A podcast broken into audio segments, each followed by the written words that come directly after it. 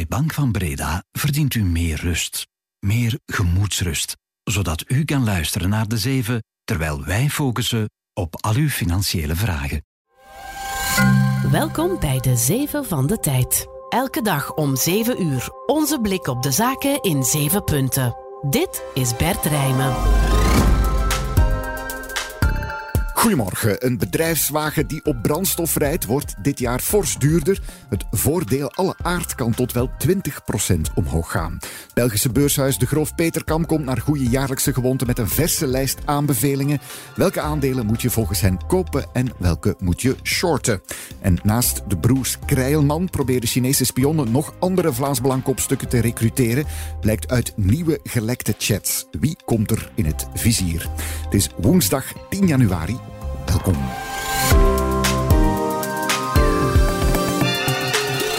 De Zeven van de Tijd. 1. Maar eerst even kijken naar de Bitcoin-chaos van de voorbije uren. Want gisteravond kondigde de SEC, de Amerikaanse financiële waakhond, op X, vroegere Twitter, plots aan dat een aantal beurstrackers die Bitcoin volgen zouden worden goedgekeurd. Maar kort daarna werd het bericht weer ingetrokken. De prijs van Bitcoin liep daardoor eerst fors op om daarna weer stevig terug te vallen. Wat is daar aan de hand? Ongeveer 12 beurshuizen, waaronder Wall Street, reuzen als BlackRock en Fidelity, hebben een aanvraag ingediend om een Bitcoin-tracker goed te keuren.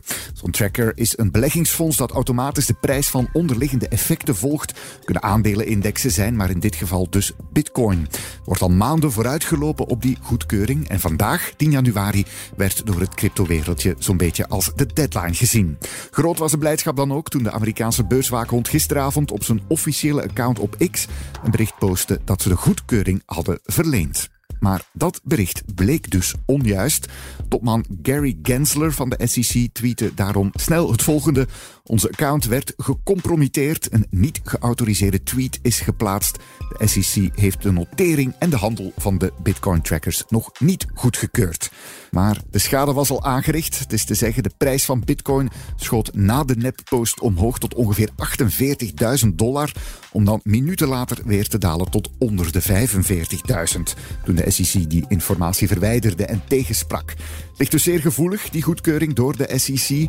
De waakhond keurde eerder alle aanvragen voor Bitcoin-trackers af uit angst voor marktmanipulatie.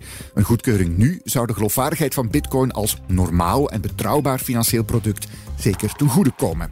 Maar nu krijgt de SEC zelf dus de wind van voren en wordt hen manipulatie aangevreven. De Netpost doet ook vragenreizen bij de cyberbeveiliging bij de SEC, toch nog altijd een van de belangrijkste financiële organen in de wereld. Krijgt ongetwijfeld nog een staartje dit. 2. Bedrijfswagens worden dit jaar weer wat duurder, maar de stijging wordt wel heel fors voor wagens met een brandstofmotor. Daar kan het zogeheten voordeel alle aard met wel 20% omhoog gaan. Hoe komt dat en wat zijn de gevolgen? Goedemorgen, Bas Kusjes. Goedemorgen, Bert. Mobiliteitsexpert hier bij de tijd. Bas, het gaat hier om dat voordeel alle aard. Uh, zeg nog eens, wat is dat precies? Ja, het wordt ons wel lastig gemaakt soms. Hè? Ja. Uh, de, het voordeel alle aard is eigenlijk een bedrag op basis waarvan het privévoordeel wat je hebt van een bedrijfswagen, voor de privékilometers die je daarbij mee maakt, bij wijze van spreken, om die toch op de een of andere manier te belasten. Ja. Nou, dat uh, gebeurt via een ontzettend complexe methode. Dat is gebaseerd op de catalogusprijs van de auto, op de leeftijd van de auto, maar ook de CO2-uitstoot van de auto. En daar gaat het eigenlijk vooral om. Ja, want uh, dit jaar komt er dus ja, een echt wel pijnlijke sprong voor bedrijfsauto's met een brandstofmotor, omdat die dan dus meer uh, CO2 uitstoten. Ja, eigenlijk de mate waarin die CO2 meespeelt, dat hangt af van de gemiddelde CO2-uitstoot van alle nieuwe auto's die er zijn ingeschreven. En wat je nou juist ziet de afgelopen, ja, sinds een jaar of drie, dat die gemiddelde CO2-uitstoot enorm zakt. Dat komt omdat er eerst heel veel plug-in hybrides werden verkocht. En vervolgens, eh, zeker sinds de tweede helft van vorig jaar, zie je dat er enorm veel elektrische auto's verkocht worden. Nou, die stoten helemaal niks uit. En dat zorgt ervoor dat eigenlijk in, nou, in drie jaar tijd de gemiddelde CO2-uitstoot van nieuwe auto's enorm daalt. Dat zorgt ervoor dat hoe lager die gemiddelde CO2-uitstoot van nieuwe auto's is, hoe hoger eigenlijk het voordeel alle aard wordt voor bedrijfswagens die nog wel CO2 uitstoten, zoals benzines en diesels. Mhm. In ieder geval, als je kijkt naar cijfers uh, van de Automobielfederatie Febiac, dan blijkt dat het afgelopen jaar de CO2-uitstoot van de nieuwe auto's met 20% is gedaald.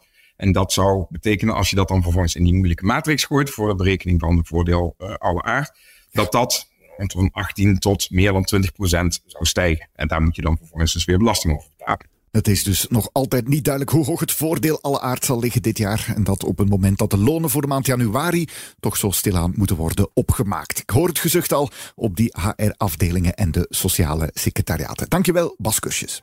Met veel plezier, Bert. 3. Over die bedrijfswagens gesproken, er zijn er zo in verhouding ook gewoon alsmaar meer. Intussen heeft al bijna een kwart van alle bedienden in België er eentje. 23,5 procent om precies te zijn, lezen we in de laatste mobiliteitsbarometer van HR-dienstverlener Acerta. Vijf jaar geleden was dat nog maar 19,5 procent. Neemt dus snel toe. We zien een mooie evolutie wat betreft de cijfers omtrent de bedrijfswagens. Charlotte Thijs is senior consultant bij Acerta. Bedrijfswagens zijn en blijven nu eenmaal een, in de war vertellend ook een belangrijk verloningselement. Het heeft een interessante fiscale regeling. Dus dat mogen we ook niet vergeten en aan voorbij gaan. Maar naast meer bedrijfswagens wordt er ook meer gefietst. Intussen legt 39% van de werknemers minstens een deel van hun pendel af met de fiets. En dat is een record. Drie jaar geleden was dat nog maar 33%.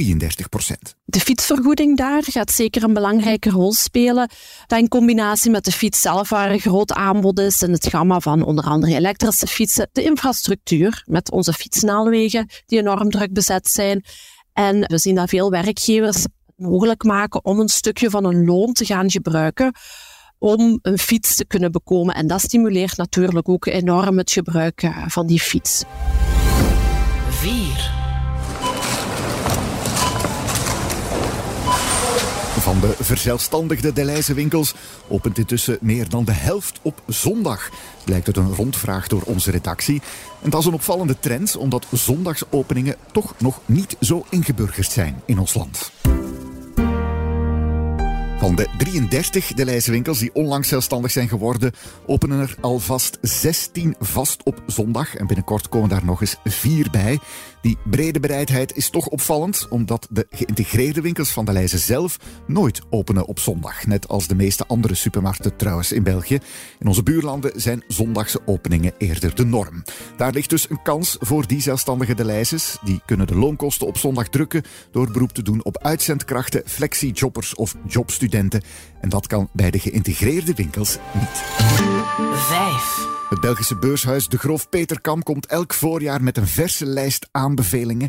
Kijken heel wat beleggers naar uit. Welke beurstrends ziet De Groof aan de horizon voor 2024? Welke aandelen moet je volgens hen zeker oppikken en welke moet je shorten? Goedemorgen, Elle Vermorgen. Hey, dag Bert. Journalist beleggen hier bij de tijd. Je hebt die publicatie van de Groof Peter Kam Elle drie keer en dan nog eens achterstevoren gelezen. Laten we beginnen bij die bredere trends. Wat zien zij voor 24? Wat springt eruit? Ja, ze geven eigenlijk toe dat het een moeilijk uh, jaar is om te voorspellen. Ze zeggen we hebben geen duidelijke signalen van hoe de economische groei en de rente echt verder zullen uh, ja, evolueren. Een trend die ze wel een beetje zien is de overnamemarkt. Ze verwachten dat die echt uh, ja, terug zal hernemen, intensifiëren en ze noemen een paar namen daar op hun prooienlijst. En interessant genoeg, Argenix staat daarbij. Hè. De meningen zijn wat verschillend. Het is een bedrijf uh, met 22 miljard euro beurswaarde, dus je moet al heel diepe zakken hebben om uh, daarop te bieden. Maar volgens de Groof Peterkam is dat dus best mogelijk dat er een farmareus, zoals Sanofi of Merck, zich gaat opwerpen als bieder op Argenix. Als belegger ben je natuurlijk blij als de bedrijven waar je aandelen in hebt misschien worden overgenomen. Kan de prijs stuwen. Maar goed, Elle, buiten dat overnameverhaal, wat zijn de grootste favorieten om te kopen dit jaar? Ja, de Groof schuift daar twee uh, Belgische namen uh, naar voren. Eén daarvan is Proximus, een aandeel dat heel erg afgestraft is in de jongste jaren, staat op een dieptestand. Mm -hmm. Zij verwachten een revival van uh, dat telecomaandeel, omdat, zegt de Groof, de investeringen in glasvezel, hè, ja. die miljarden aan investeringen vers van Proximus, die zouden beter kunnen meevallen. Dus dat zou eigenlijk de vrije kaststroom bij Proximus ten goede moeten komen.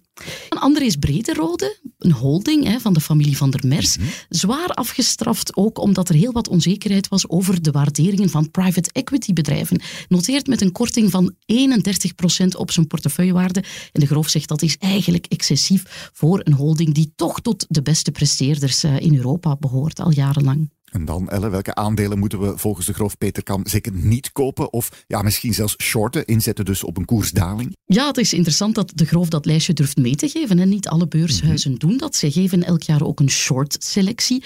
Uh, daar zien we uh, twee Nederlandse nieuwkomers op. Enerzijds is dat Besi, een maker van chipverpakkingsmachines en echt de beursster van Amsterdam vorig jaar. De Groof zegt die koers is wel heel veel opgelopen, dus zij waarschuwen daarvoor een overwaardering. Ebusco een beetje een ander verhaal, een achterverblijver op de beurs, waar uh, de Groof weinig beterschap ziet. Zij zeggen er zijn toch operationeel wat problemen bij die e-busbouwer en zij ja, manen aan tot voorzichtigheid met dat aandeel. Ook opmerkelijk, Lotus Bakeries blijft op die short selectie staan. Ze stonden er vorig jaar ook al op. En de Groof Peterkam zegt, kijk, uh, ja, Lotus staat voor enorme investeringen. Ze gaan een tweede Biscoff-fabriek bouwen in Azië. Tegelijk stijgende mhm. loonkosten, stijgende marketingkosten. Dat alles zal uh, de vrije kaststroom inperken. En wetende dat Lotus al zo'n schitterend palmares er heeft opzitten, waarschuwt het beurshuis toch voor enige teleurstelling daar. Dankjewel, Ellen Vermorgen. Met veel plezier. Wil je alle voorspelde overnameprooien aan- of afraders van de Groof lezen? Check dan Ellen's stuk op tijd.be of in onze app. 6. De Chinese pogingen om leden van het Vlaams Belang te beïnvloeden en recruteren gingen verder dan eerst gedacht. Blijkt uit nieuwe gelekte chats die onze redactie heeft kunnen inkijken.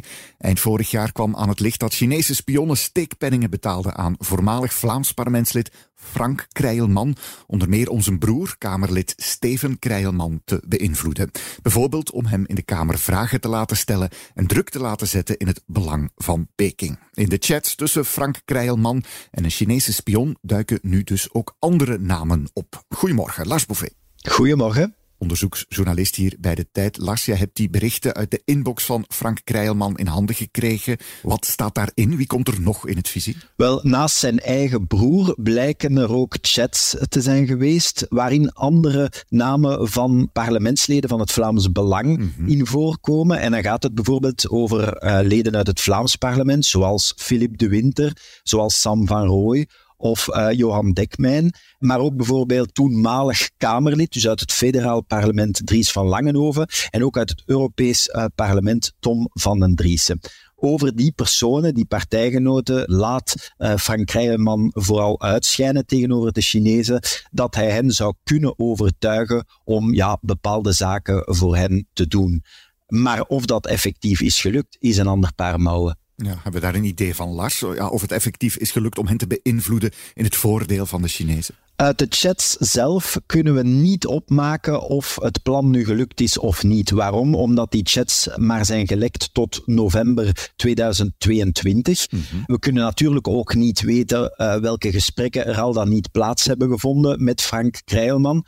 Wanneer we echter kijken naar de parlementaire vragen die de verschillende parlementsleden hebben gesteld, zien we wel dat er verschillende vragen over China zijn gesteld, maar dat die parlementsleden van Vlaams Belang dan telkens wel een zeer kritische kritische houding hebben aangenomen uh, in het parlement. Dus op basis daarvan kunnen we alvast niet concluderen dat er een pro-Chinese houding ineens opdook wijst er vooral op dat Krijmal zijn invloed binnen de partij een beetje oppompte eh, tegenover de Chinese Lars. Uh, je hebt ook reacties van Vlaams Belangleden die dus nu opduiken in die nieuwe chats. De winter van Roy van den Driessen. Wat zeggen zij? Unisono zeggen de verschillende Vlaams Belang parlementsleden dat ze nooit verzoeken in die zin hebben gekregen van Frank Krijlman. Dat zou er dan op wijzen dat het vooral grootspraak was mm -hmm. uh, tegenover de Chinese inlichtingendienst. Er zijn natuurlijk wel verschillende parlementsleden die hem beter kenden dan de anderen. Maar bijvoorbeeld Philippe de Winter zegt dat het eigenlijk binnen de partij wel geweten was dat Frank Krijlman ja, bepaalde lobbypraktijken erop nahield. En dat er daardoor eigenlijk al wel een wantrouwen was uh, tegenover de man, waardoor zijn ja, netwerk binnen de partij eigenlijk niet zo groot zou zijn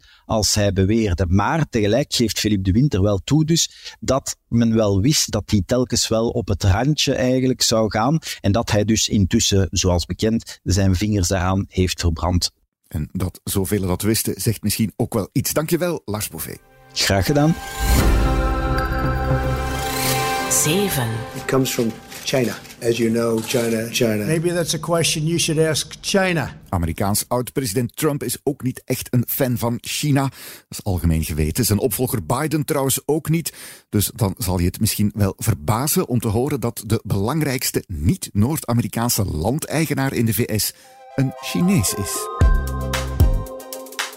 Chen Tianqiao die bezit ruim 80.000 hectare bossen in de Amerikaanse staat Oregon. Dat is ruwweg de provincie Waals-Brabant. En dat maakt van hem de belangrijkste niet-Amerikaanse grondeigenaar in Amerika. Na de Canadese miljardairsfamilie Irving. Staat in de recentste rangschikking van het gespecialiseerde blad Land Report. Chen is een Chinese zakenman die zijn fortuin maakte in de online gokbusiness met zijn bedrijf Shanda Interactive. Dat hij opduikt in de rangschikking zal misschien wel een debat doen oplaaien in de VS over buitenlandse grondeigenaars. Daarmee zit deze de zeven er weer op. En omdat we nog in de tijd van de goede voornemens zitten, alles nagedacht over beleggen, sparen, vastgoed of belastingen in 2024.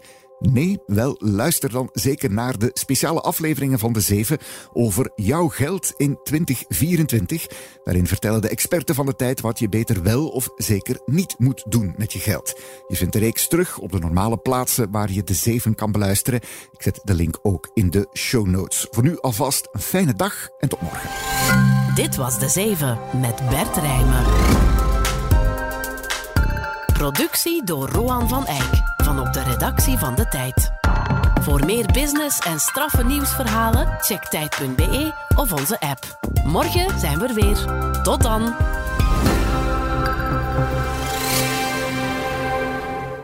U verdient meer peren. U verdient meer anticiperen. U verdient meer anticiperen van uw financiële partner, zodat u ten alle tijde rustig kan blijven, ook als de beurs haar peren ziet. Ook u verdient meer Bank van Breda. Professioneel en privé. Bank van Breda. Enkel voor ondernemers en vrije beroepen.